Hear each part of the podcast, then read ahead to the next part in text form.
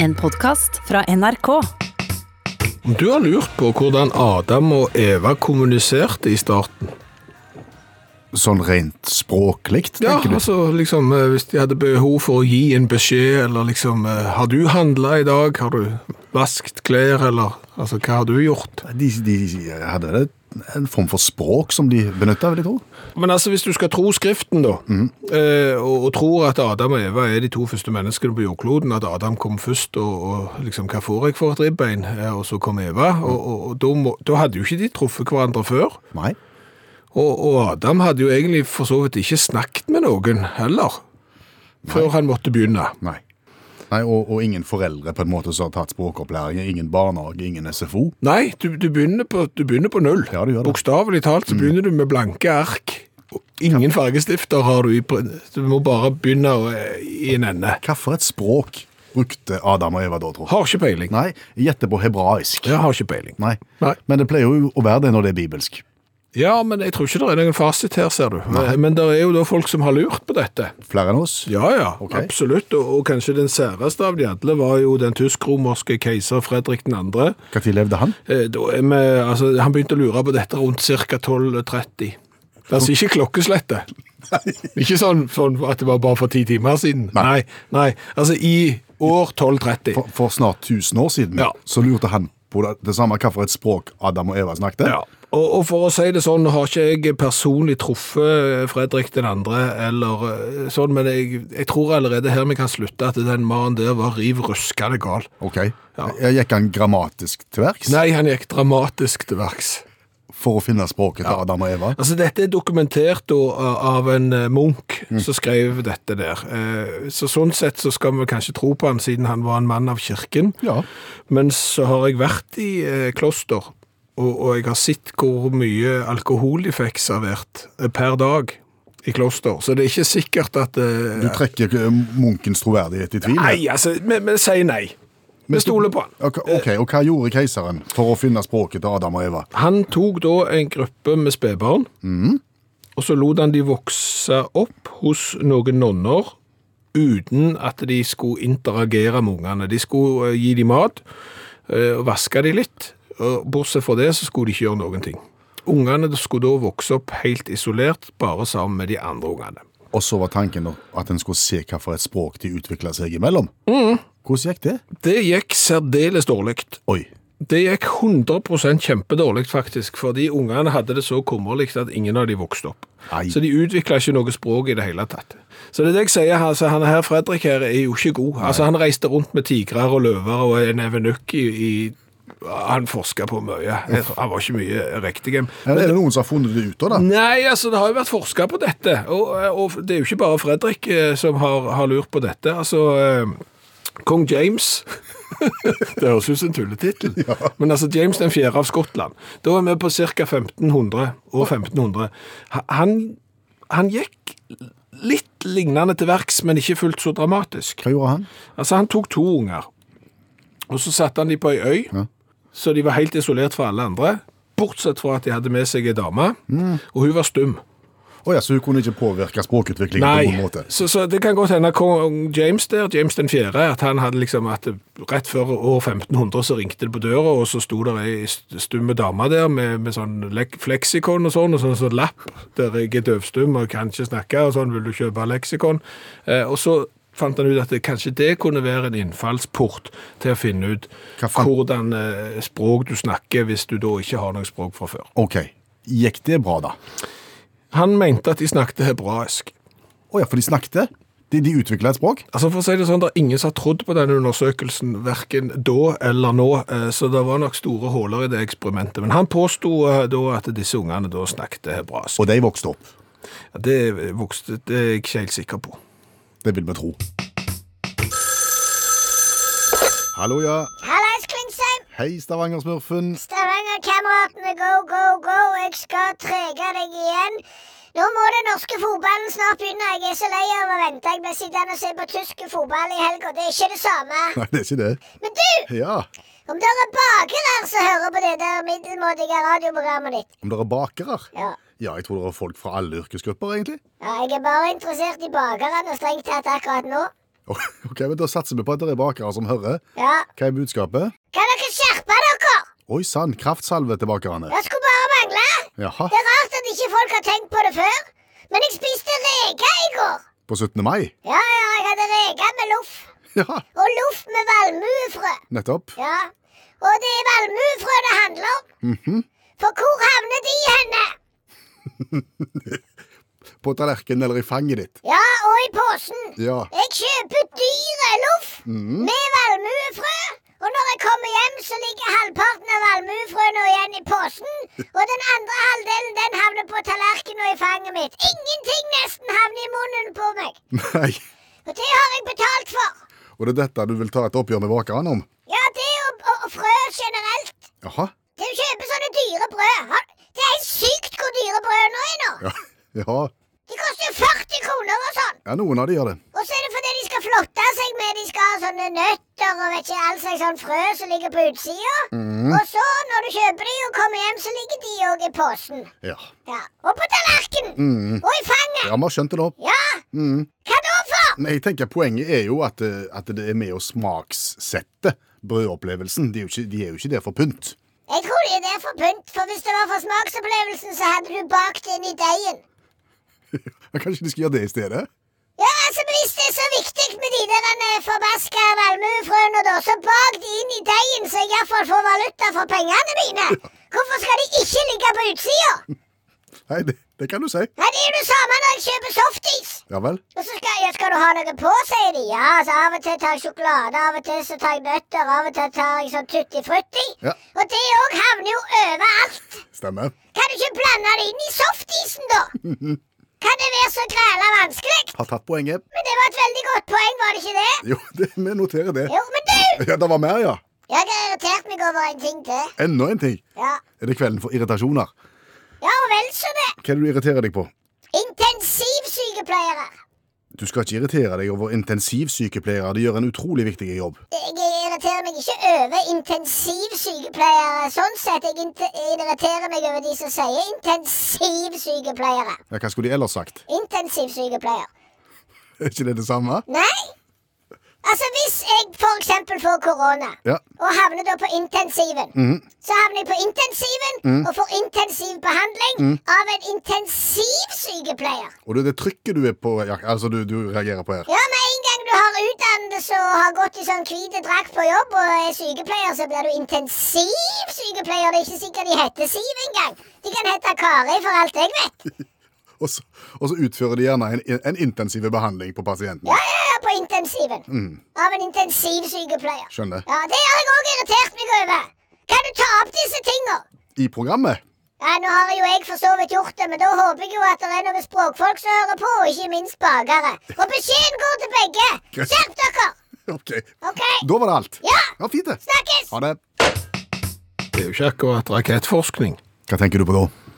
Nei, eh, jeg tenker på uttrykket rakettforskning, for det er jo et uttrykk som vi bruker, eh, altså vi nordmenn bruker, men det er òg internasjonalt. Og det er jo et signal på at noe er ikke vanskelig.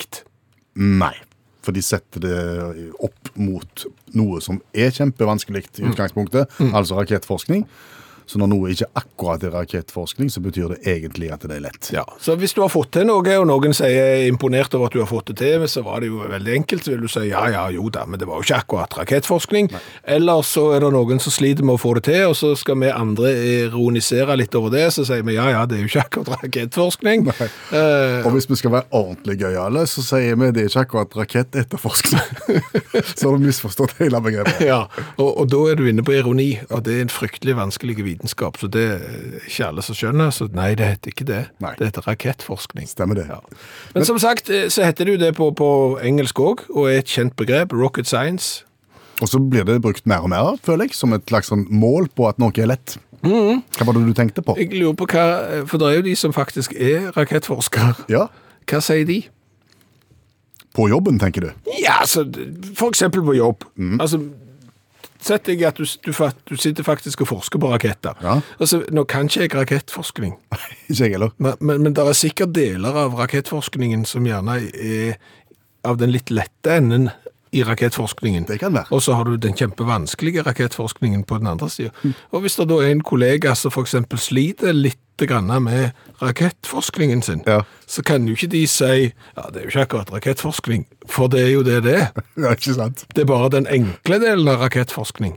Ja. Så de må jo finne da et annet uttrykk. Hva med, hva med rakettforskeren på hjemmebane, da? Når han kommer hjem og blir eh, et eller annet som er lett. Ja. Og så skal, så skal han på en måte beskrive det. Og sønnen sliter med liksom matteoppgaven sin. Ja, Du kan jo ikke arrogante pappa si det er jo ikke akkurat rakettforskning, sønn. For da setter han seg jo på den høye hesten Ja, han gjør jo det. og blander inn sin egen profesjon. For når vi sier rakettforskning, så peker jo vi på en kunnskap som vi sjøl ikke har, som er liksom Den er langt der over horisonten. Der har du den vanskelige greia som vi ikke vet hva er. Ja. Rakettforskning. Ja. Ja. Så rakettforskerne må ha noe å strekke seg etter. ja. De Og må- hva er vanskeligere enn rakettforskning? Nei, det, hva er det? Er det sånn kvantefysikk, det? Det kan være Er det sånn s- s- strengeteori? altså, Andregradsligninger det kan være vanskelig, syns jeg òg. Men det er, ikke, ikke vanskelig. det er ikke akkurat annengradsligninger. Det går ikke, det. Det går ikke det når du driver med, med rakettforskning. Du kan ikke Algebra. Nei, nå er du helt Nei, altså Jeg vet ikke. Eh, Kanskje det vanskeligste i verden det er å svare på spørsmålet 'Ser jeg tjukk ut i denne kjolen?' Men du vet ikke om det er et fag. Altså når kona spør, eller Eh, Når noen, når ei dame spør 'Ser jeg tjukk ut i denne kjolen?' Hvis du ikke svarer innen et tidel da, og svarer rett Ja, men alt blir feil, gjør det ikke det? da? Alt blir feil, iallfall hvis du venter. Ok. Hvis du må tenke deg om. Hvis det tar bitte litt tid før spørsmålet synker inn 'Ser jeg tjukk ut i denne kjolen?' Nei, kjørt. Da er det løpet kjørt. Da har Men, du tapt. men- men du kan ikke bruke det som et mål for rakettetterforskere.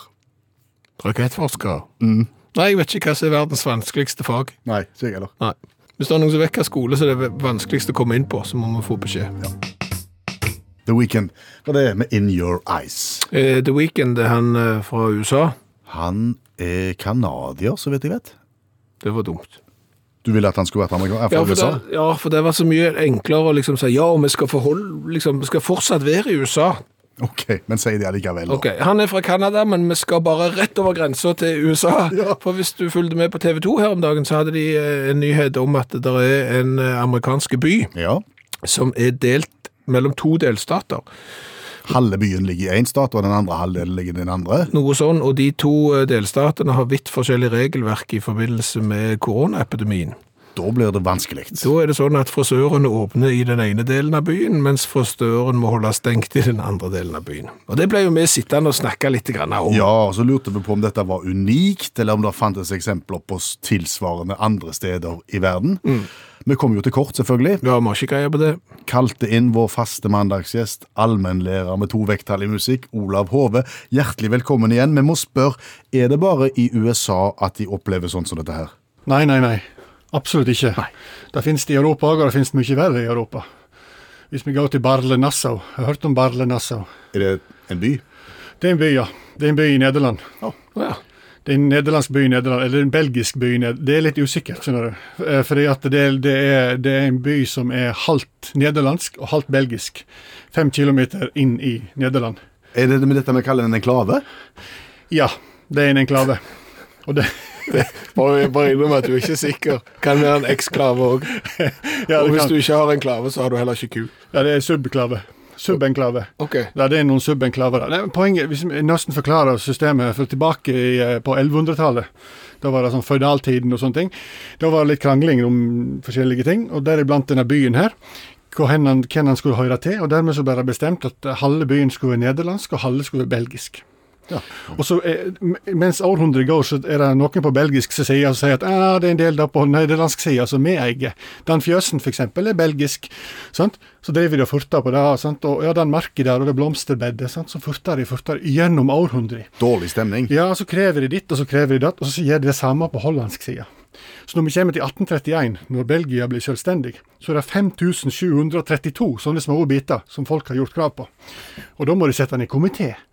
Så komité blir satt ned i 1831 for å finne ut av grensespørsmålet, og de jobba på, og i 18 1995 så var de ferdige. Utrolig hva en komité får gjort på 160 år. sant? Fem generasjoner. Eh, og da, da, hadde de funnet, da hadde de klart å løse det, bortsett fra 30 sånne biter. Da. Så de, ble, spre- de ligger spredd utover, og det vil si at inne i eh, belgisk sone så ligger det da åtte hollandske enklaver. i den byen. Eller sju subenklaver. Jeg aner ikke hvilken subenklave er, men også en, og en forrektig enklave. Og inne på hollandsk side så ligger det 22 belgiske enklaver. Og, og der er vi i dag. Og der er vi i dag. Men Det er betyr det da at belgierne og nederlenderne ikke har samme strategi i forhold til koronaviruset? Helt korrekt. Hollendere er hollendere, og belgiere er belgiere. Og så er det jo sånn at eh, hollendere kjører ut i Belgia for å kjøpe bensin. For det er billigere bensin i Belgia. Men det ble jo forbudt nå. Og det var sånn at Hvis du kjø- kjører over grensa til, til Belgia fra Nederland, så får du bot, og så får du, får du, får du karantene. Men Belgia kan jo være rett rundt hjørnet. Ja, og alle bensinstasjonene i den godeste byen er jo selvfølgelig på belgisk side, for det er der det er billigst bensin. Og dermed så kunne ikke de kjøre egentlig i samme, sin egen by kjøre på bensinstasjonen, for da kjører du inn i Belgia, da skal du ha karantene, og du skal ha bot og fandens oldemor. Og da måtte de faktisk forhandle da, om dette her i kommunestyrene. Og da ble det jo, jo, OK, de skal få lov å fylle bensin. Og da ble det også foreslått, På samme møte ble det foreslått at alt belgisk skulle innrammes med hønsenetting. Det betyr at 80 av alle gater ville bli stengt og, og, og, og mange utslag. Eh, Butikken eh, Serman Outlet, butikkjeder som, kleskjeder som er både i Belgia og Nederland. Da var det 30 i Belgia og, og 70 av den butikken er i Nederland, for det ligger akkurat på ei grense.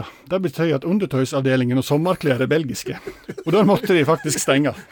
Og da stengte de først med bånd, men så var det enkelte som bare måtte inn i st- Strekke seg over til Belgia og dra ut en shorts, og da har de måttet sette opp en bag, da. Og så, har det gå- og så, og så har det gått seg noenlunde til. Og nå, er det jo, eh, nå, er det, nå har de løst opp litt, sant? men i Belgia må du ha munnbind på bussen. Og Når du kjører gjennom den byen der, sant? og du er 29 ganger innom Belgia, så må du av og på, av og på, av og på. Så det har gått fint for alle, egentlig, bortsett fra eh, Sylvia Reichenbroch. Oi. Det var bra uttale. Reichenbroch. Hun driver kunstgalleriet Galleri Kunst von Leven, og Leven har det blitt fordi at Grensa mellom Belgia og Nederland går midt på inngangsdøra hennes. Det betyr at hun har halve inngangsdøra i Belgia, halve i Nederland. Hun har lyst til å ha galleriet åpent. Heldigvis er mannen murer. Så han har tilbudt seg å flytte døra i over til Hei, sånn at hun er 100 i Nederland. Sånn at hun da kan ha åpent galleri. Problemet er at eiendomsskatten er mye høyere i Nederland enn i Belgia. Og der inngangsdøra di er, det er landet du kommer fra. Derfor så har hun Har jo halv inntektsskatt i hvert land. Yes. Og dermed så har hun gått vekk ifra det, selger bi- bildet online, og håper på ei tid der ting er mindre forvirrende. Tusen takk skal du ha, allmennlærer med to vekttall i musikk, Olav Hove. Du, om det kalles å ha sommerjobb hvis du jobber med det samme som du egentlig jobber med til daglig, bare at du jobber med det på sommeren når noen andre har sommerferie. Det var mye informasjon på en gang. Sommerjobb. Ja, altså, vi, vi jobber jo i radioen og lager radioprogram uttakt, sant? Men sommerjobb har jo jeg hatt tidligere. Da har jeg jo for eksempel kjørt brød, jeg har jobbet med psykisk utviklingshemma, jeg har eh, jobbet i hage, jeg har malt, eh, jeg har vært blikkenslager. Det er jo sommerjobb, for det, er jo- da gjør jeg jo noe annet enn det jeg pleier å gjøre til vanlig. Jeg har gått med post, Ja. solgt plater, Ja. jobba i kooperativen. Ja. Ja. Altså, det er jo sommerjobb. ja. Men hva var utgangspunktet ditt? Nei, Hvis du, d- hvis du skal gjøre det samme som du egentlig gjør på jobb til vanlig, bare at du skal gjøre det på sommeren når, fordi at noen andre skal ha fri. jeg føler vi kompliserer dette her veldig nå. Men det vi egentlig prøver å si nå, Ja. det er at vi har fått oss sommerjobb, på en måte. Ja, har vi det? Ja, ja, vi skal, vi har fått, det vi skal gjøre i sommer, Ja. Fra 15. juni så skal vi sende dette radioprogrammet her hver dag fra mandag til torsdag mellom 17 og 19 på ettermiddagen. Og det skal vi gjøre i en måned. Ja. Eh, sommerjobb, på en måte. Er du sikker på det? Jeg vet vi kan ikke bare drite i om det er sommerjobb eller Ok, det var utakt fra 15. juni til 9. juli fra klokka fem til klokka sju på ettermiddagen. Ja. Mandag til torsdag. ikke. Ja, direkte. Ja. Nå skal du få lære deg ei bok som lærerinna egentlig ikke har lyst til å lære vekk. Ja, sånn kan det også sies. Altså Hver mandag så kommer lærerinna. Det er forfatter og litteraturviter Janne Stigen Drangsholt. Og så lærer hun oss en klassiker som hun mener vi burde ha lest. Hun lærer oss den på fire-fem minutter, og etterpå så kan vi framstå som om vi har lest den. Og vanligvis er det jo favorittbøkene hennes hun kommer med. Ja, men ikke i dag. Nei. Men så er det nemlig sånn at hvis du søker på internett om liksom 100 bøker du må lese før du dør, der, der er mange sånne lister. Og, og mange av de bøkene på disse listene er jo de samme, de går igjen. Og så er det ei bok der som går igjen på lista etter lista etter lista. Så sier vi til Janne Stigen Drangsholt at den må jo du lære oss. Og motvillig så gikk hun i gang.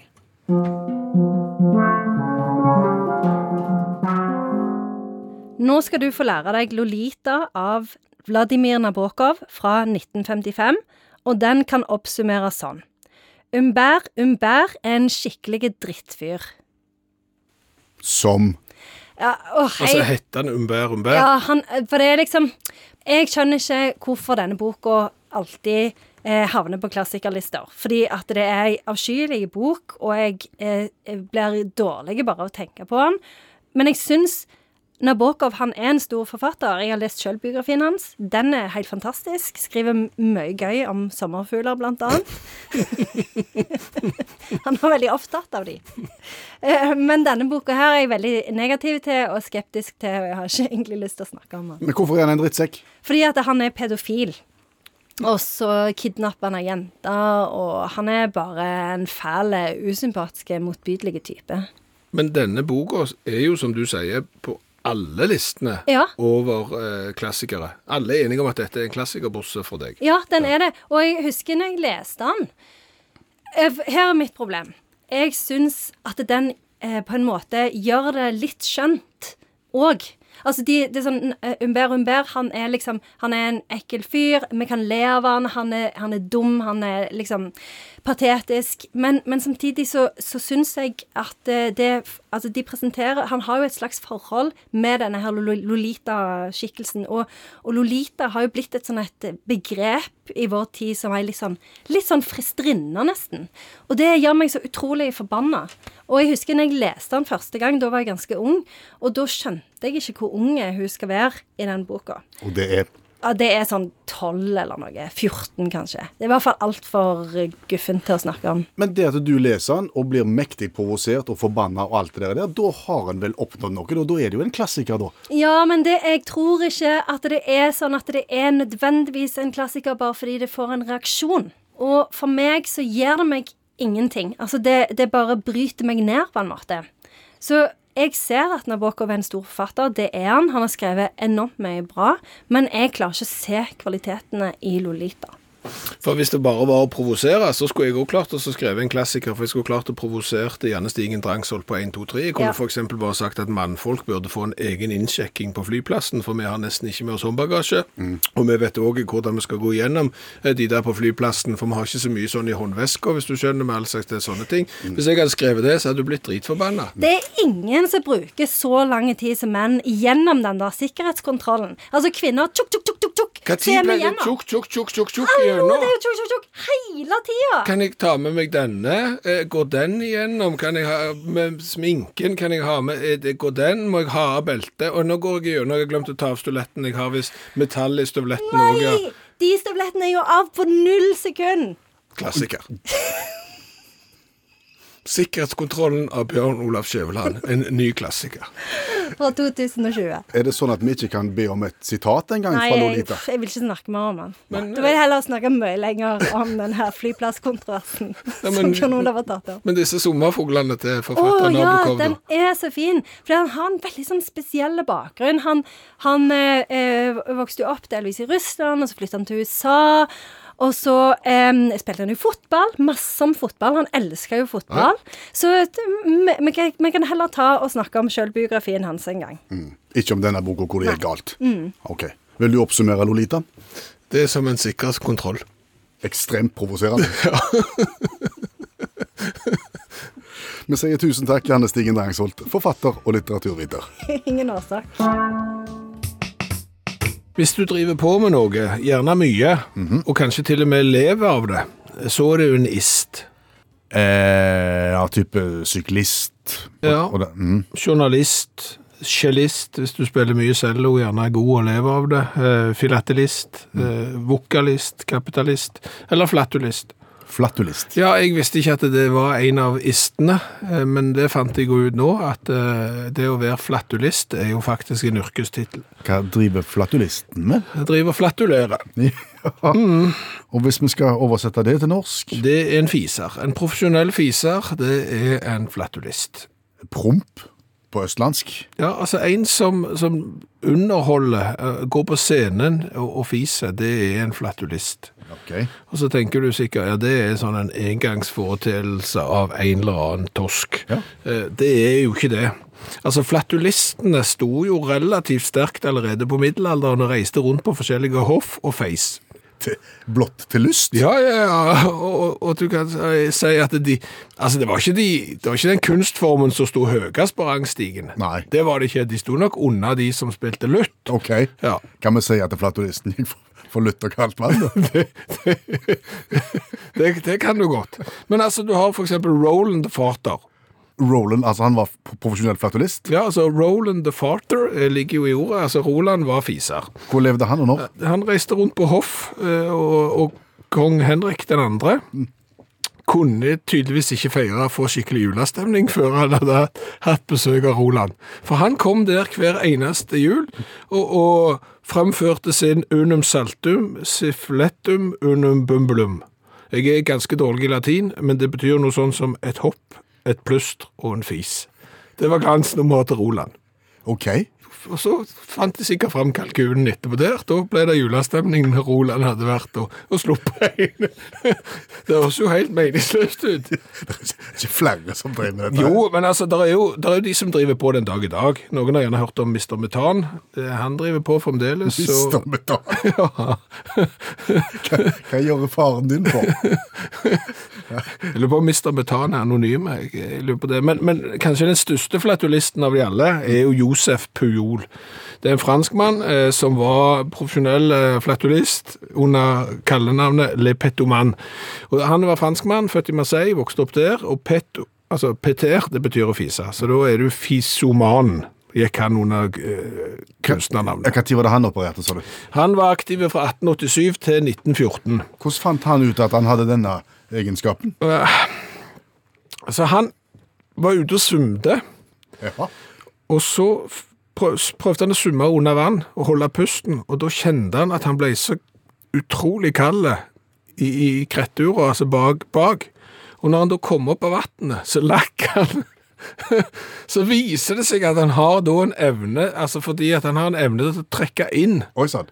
bakfra. Ja. Og, og dette brukte han jo altså, før han begynte å stå på scenen. Han brukte det jo når han var militær. altså viste han jo militærkompisene at han kunne inhalere vann fra ei stekepanne. men, men så etter hvert da, så fant han ut at han hadde også da evnen til å på en måte trekke inn luft. Ja. For, det, for det var ikke sånn at han hadde all denne luften i magen. Nei. Han, han var i stand til å trekke inn luft eh, bakfra. Og han hadde jo et par store glansnummer. Altså Han havna jo da på Moulin Rouge med eget show i Paris, Jaha.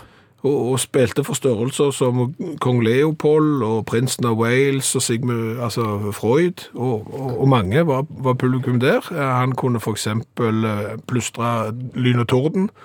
Nei, plystre seg, han kunne fise lyn og torden. Eh, og- okarina, vet du hva det er? Karine. Okarina. Nei.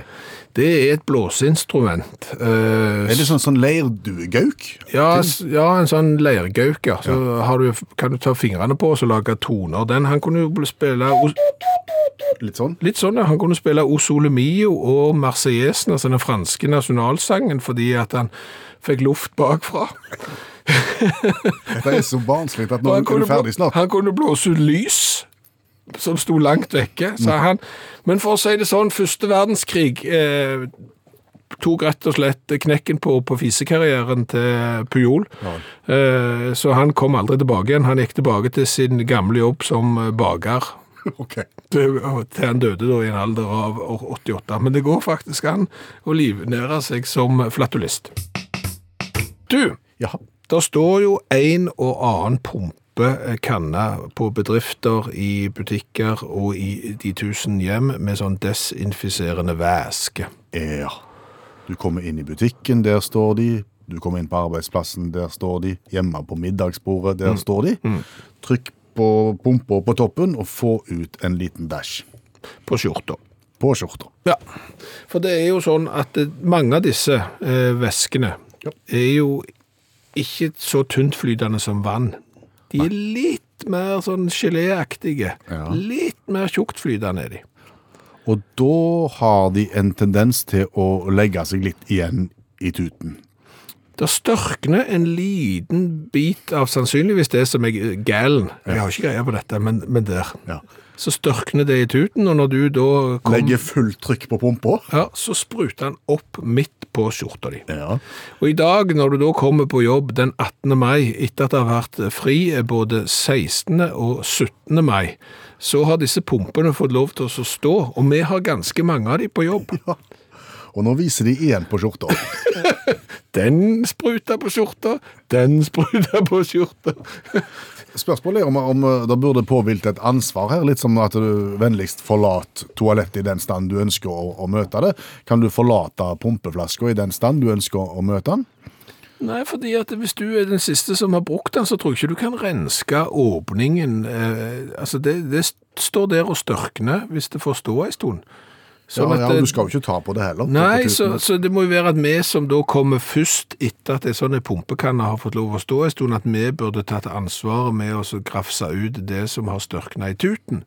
Men jeg vet ikke hvordan det ser ut heller. Nei. Skal jo ikke ta på så mye, men det er gjerne kanskje det tryggeste å ta på det som inneholder sånn desinfeksjonsvæske.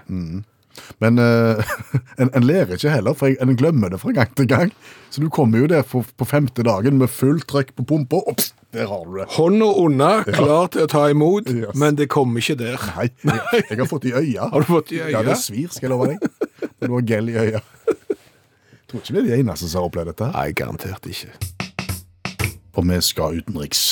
Vi skal det. Vi skal til Italia. Men for å gjenta noe vi sa sist mandag, forrige mandag, så er det ikke bare flyselskapene som nå lider kraftig av at folk ikke reiser. Nei, colakjøleskapet vårt har havna i en veldig ugunstig situasjon som følge av dette her. Fordi at vi er jo avhengig av at folk er ute i verden og reiser og tar med seg brus til oss. Mm. Og nå er det jo ingen som reiser. Nei. Så da eh, er det veldig liten tilgang på eh, cola fra utlandet, men heldigvis, vi har litt igjen ennå. Og i dag skal vi som sagt til Italia, men han er kjøpt i Albania. Å ja. Ja, han kjøpte i Tirana eh, av eh, Maria og Trond. Så de har vært på tur og, og kjøpt den til oss. Det, det, det- ja, ok. Italiensk, egentlig. Ja, italiensk egentlig, og han heter Conad Premium Cola. Konad er kjøpesenter, tror jeg. Ja, det er det. Et stort kjøpesenter, det er et av de største i Italia, ble etablert i 1962, og hvis du går inn på et Conad-kjøpesenter, så kan du for eksempel gå på et Conad-apotek, du kan gå til en Conad-optiker, du kan kjøpe bensin hos Conad, du kan kjøpe dyreleker og dyreting i Conad sin dyrebutikk, du kan få deg Conad-forsikring, eller så kan du eventuelt kjøpe lærebøker, for de er billigst på lærebøker av Conad. Kan du få Konad-bil? Den var ikke så god. Nei, det var ikke så god. Men de har også sin egen cola. Ja, det har de. Og den ser gørr kjedelig ut. 100 kjempekjedelig ut. Det er en sånn halvliter plastikkflaske med et rødt magebelte der det står Conad Prem Cola med hvite bokstaver, og det er omtrent det designavdelingen har lagt ned i det produktet der. Ålreit. Da har vi jo skrudd på fordommene, egentlig, fordi at kjøpesenter-cola som ser kjedelig ut, pleier å smake kjedelig. Og Vi har smakt på nesten 300 forskjellige cola fra hele verden, så vi vet litt hva vi snakker om. Og denne har da i tillegg fått lov til å godgjøre seg i en plastikkflaske, og det pleier jo ikke akkurat å bety s- Så mye kullsyre. Nei. Men OK, Og den lukter søtt. vi skal gi smak eh, karakter fra 1 til 10 på smak.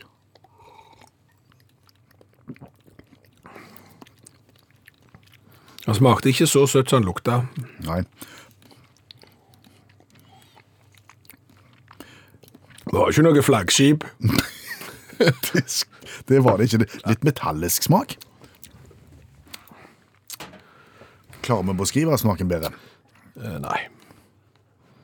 Er det pøsekola? Er det sånn som du kan drikke veldig mye av? Det tror jeg ikke. Nei, for det var han det er- karakteristiske han- smaken. Ja, litt, eh, han er, jeg tror du blir småkvalm hvis du drikker mye. Ja, kjente på det allerede nå. Jeg går ikke på mer enn tre. Nei, jeg tenkte også den tre i smak. Kanskje for mer enn det. Er det, er det kult? Designet, Konad Cola, nei, de, som du sier, en. de har jo én. Er det så ille? Jeg bare følte for det. OK. Var ikke i humør til mer enn én. Nei, de skal få to. De skal, jeg strekker meg til to. Det er ni poeng totalt.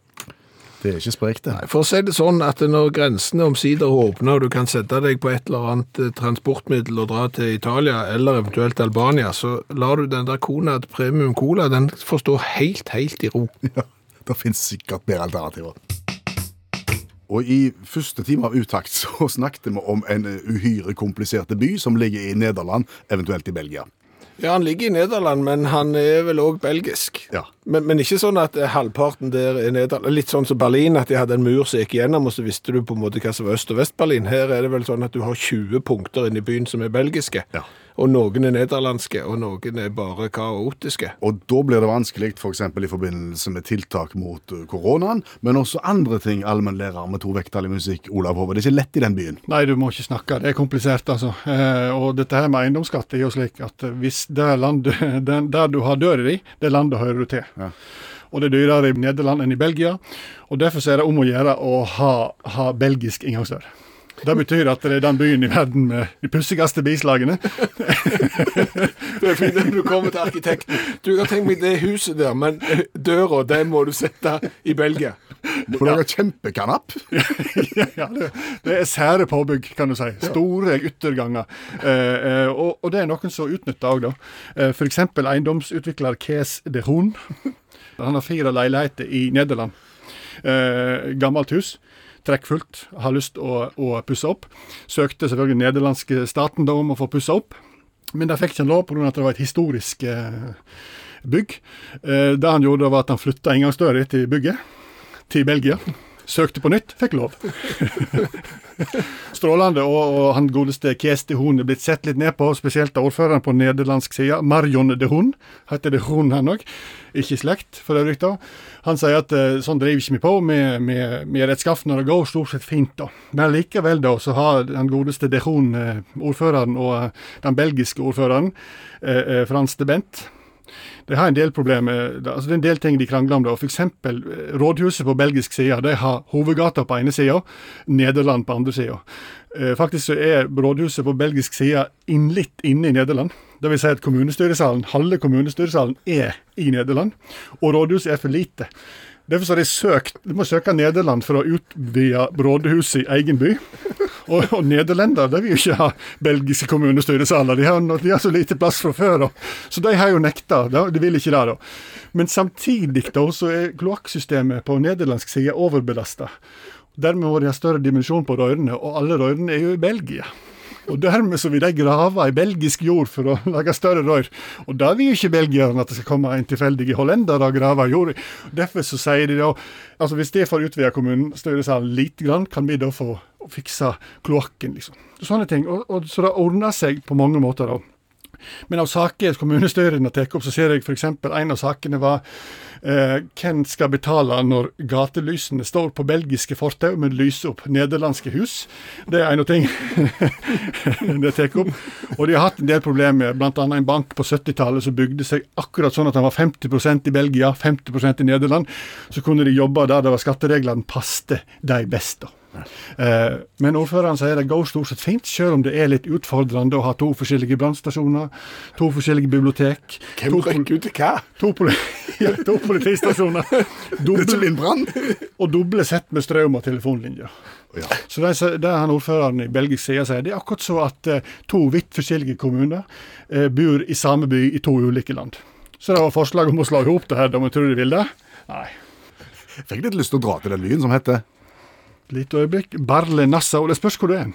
Barle Nassau i Nederland eller Barle Herzog i, Be- i Belgia? Men det er samme by. Nei, det er to helt forskjellige byer, men de ligger på samme plass. i samme by. På en måte. Takk, Olav Hove, allmennlærer med to vekttall i musikk.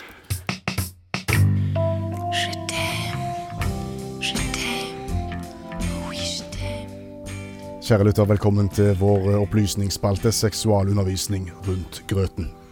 Ja, og bakgrunnen for denne her er at det er veldig, veldig, veldig mye informasjon å få tak i på internett, på fjernsyn og på radio, men all den informasjonen der er veldig direkte, og alt er normalt. Her er det ikke så direkte, og ikke sikkert alt er så normalt heller. Nei. Og vi tar da gjerne opp spørsmål fra dere som hører på Utakt. Det vil si, så langt så har det vært fra vår venn spanske Trond. Han har da stilt de fleste spørsmålene. Han har spilt for så vidt stilt alle spørsmålene. Og har stilt nok et spørsmål som vi skal se nærmere på. Og han var veldig direkte, for å si det rett ut, i, i måten han stilte spørsmålet. Ok. Jeg har måttet skrive det om. Ja. Spansketroll beskriver at, at han er ute og går på ei strand.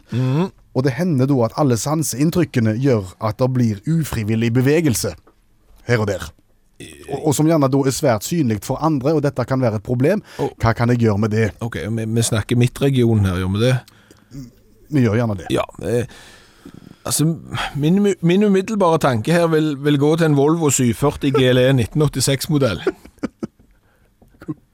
Hvorfor det? Fordi den Volvoen der, den, den hadde en sånn fiffig greie at når du skrudde på radioen, Ja. så gikk antennen opp. Helt av seg sjøl? Ja, da starta en sånn motor bak i bagasjerommet, og så, vvv, så gikk antennen opp når du skrudde på radioen. Altså, du hadde full antennekontroll. Ok, så spansketroll sitt problem det er at antenna går opp sjøl når han ikke vil høre radio? Riktig, så han, han er ikke helt på en måte en Volvo eh, 740 GLE. Nei. Greit, altså ja, hva- hva, skal vi, hva skal vi si til henne? Altså, Problemet hans er jo på en måte at han, at han, han vil jo strengt tatt lytte på radio. Ja, ja, ja. så Sånn sett så vil jo antennen opp. Ja, har ingenting med det å gjøre. Men, men, men antennen bør gjerne ikke være oppe akkurat der og da, og det er jo det som er problemet. Ja, og Derfor så stiller han da spørsmålet hvordan skal vi da hindre at ennå- antenna går opp til allmenn beskuelse? Jo, altså det, det jeg vil si da, sånn umiddelbart, det, det er jo at det går an å skifte kanal. Jaha? For, for det er klart at hvis du fokuserer på et radioprogram som du har utrolig lyst på, eh, å høre på, Ja. mener jeg, Ja. så er det kanskje naturlig eh, at antennen er oppe, for det programmet skal du få med deg. Men prøv å skifte til en kanal. Skift til et innhold på, på, på radioen som du overhodet ikke er interessert i. Så får du kanskje lyst til å skru av ganske snart, tenker Mhm. Yes. jeg. OK, OK. Et alternativ kan jo òg, tenker jeg, å være å gå i områder uten dekning. Ja.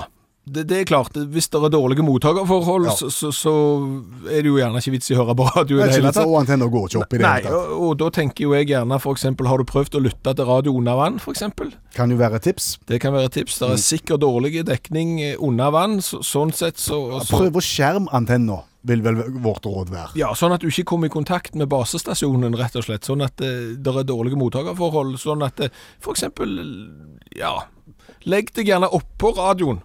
Sånn at du dekker til hele radioen, og antenneforholdene er utrolig dårlige. og dermed Da så- blir så- ingen radiolytting, og antenna holder seg nede. Ja. eh, Kanskje det mest dramatiske rådet som jeg kan gi, Ja. det vil jo være Altså, den ultimate måten å unngå at antennen går opp, hvis du s- tenker Volvo 740, Ja. det er jo at eh, antennen må jo ha strøm for å gå opp. Ja. Eh, elektrisitet, eh, på en måte spenning, Ja, ja. for å gå opp. Ja. Og, og, og kanskje det enkleste da, er jo å, å stille med flatt batteri. Å tømme batteriet f på forhånd, ja. Ja, rett og slett eh, har kjørt antennen opp og ned så mange ganger at til slutt så er det ikke mer eh, spenning på batteriet, og, og da Og pro- Problemet er eliminert. problemet er løst. Jens Olav var jo fryktelig modig for en tid tilbake. Jens Olav ble motivert av noe vi snakket om i radioen. Ja, Vi snakket om krebstiks, Ja. som jo egentlig ikke er krabbe i det hele tatt. Det er fisk, og så har du tilsagt det som heter krabbeekstrakt Ja. for å få fisken til å smake krabbe. Og det var da vi lurte på hvor er er det mulig å, å skaffe krabbeekstrakt, og eventuelt bruke det på andre produkter. Ja, og, og, og eh, det vi hadde lyst til å vite var jo hvordan reagerer en butikk hvis du kommer inn og spør etter krabbeekstrakt. Og Ja. Det var det Jens Olav gjorde. Han gikk inn i en butikk, han fikk dokumentert det med å ha sett filmen, eh, og han har fått lapp eh, eh, dokument- der det står signert for den i butikken som ble spurt om krabbeekstrakt. Men de hadde ikke. Nei! Nei. Hemsko! Hemsko. Ja. Hva har det med krabbeekstrakt å gjøre? Nei, jeg føler det er litt det samme, ser du. Fordi at eh, du vet hva det betyr. Ja, jeg vet, over- i overført betydning. Ja, Altså, det er vel noe som på en måte vanskeliggjør noe, på en eller annen ja måte. en, en klamp om foten, en hindring. Men hemsko er egentlig en sånn kileforma jernkloss da, som skulle settes foran hjulet på vogner for at de ikke skulle begynne å rulle. Å, ja. Det er en hemsko.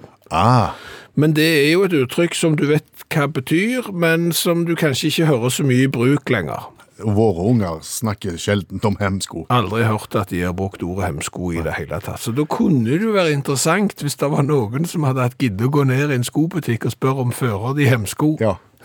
Å få det dokumentert på samme måte som Som, som vår, Jens Olav gjorde, ja. Ja. Gjerne en liten filmsnutt eller et eller annet. Hvordan reagerer de da i skobutikken når du kommer ned og spør etter hemsko, gjerne størrelse 43? Hva har vi lært i kveld? Mye. Flott. Vi har jo egentlig lært noe som vi visste eh, fra før, det er jo at eh, folk lurer jo på masse. Og så er det jo det at du må jo bestemme deg for om skal jeg prøve å finne ut av dette, eller skal jeg bare gå grunna på, hva- på liksom det som jeg lurer på, og så ikke ta det noe videre. Og det siste der kan nok være lurt i mange tilfeller, viser det seg. Eh, ja. For det er jo de som har lurt på, eh, hvordan kommuniserte nå Adam og Eva egentlig? Hva var språket de benytta seg imellom? Ja, for Adam var jo der først. Så hadde han et ribbein til overs, eller noe sånt, og så fikk han Eva, og så kjente de jo ikke hverandre, og ikke hadde de noe språk heller, for de var jo de første på jorda. Og, og så er det jo de som har lurt på det, og så er det jo de som har gått videre og prøvd å finne ut av hvordan det faktisk var. Det burde de ikke gjort. Eh, Du har jo en av de da som er en tysk-romersk keiser på ca. rundt 1230-tallet, Fredrik den andre. Han satte noen unger i isolat og skulle se hvordan de da utvikla et språk, siden de ikke hadde noe kontakt med noe språk. Det gikk særdeles dårlig. Gikk kanskje bitte litt bedre på 1500-tallet, når kong James den fjerde av Skottland, høres ut som et band, eh, satte to unger på ei øy sammen med ei som var stum. Eh, De snakker visst- snakket visstnok hebraisk til slutt, og etterpå det er det ingen som har stolt på den forskninga til eh, James. Det har vi lært. Ja. Så har vi jo lært eh, at det er jo en liten eh, godtepose av en by i Nederland. Ja, Som er både belgisk og nederlandsk. Ja, men han er ikke delt sånn som Øst- og Vest-Berlin var, med en mur på midten, liksom. Nei. Her her er det enkelte bydeler og områder som er belgiske og andre nederlandske, og det er sånn at tar du bussen, så kan du være innom Nederland 20 ganger og Belgia en 15 ganger. Det er jo sånn at ei gatelys som står på nederlandsk side, kan lyse opp ei gate som er Belgia. Ja. Og da har du det gående. Det er ganske problematisk, men jeg har fått en sms her eh, da, at det er en som har sett et Norge Rundt-innslag en gang, og der var det visst nok et hus som hadde stua i Sverige og kjøkken i Norge. Ok. Kan du dra på harryhandel til deg i Ja, jeg din egen hus, tenker det da? må jo være mye mer problematisk nå i disse koronatider når du er sulten da, og må inn på kjøkkenet og sitte igjen med 14 dagers karantene etterpå. Ja, Det er bare, det er bare trist. Så har vi jo prøvd å finne ut hva rakettforskerne sier når de sier at det er jo ikke akkurat rakettforskning.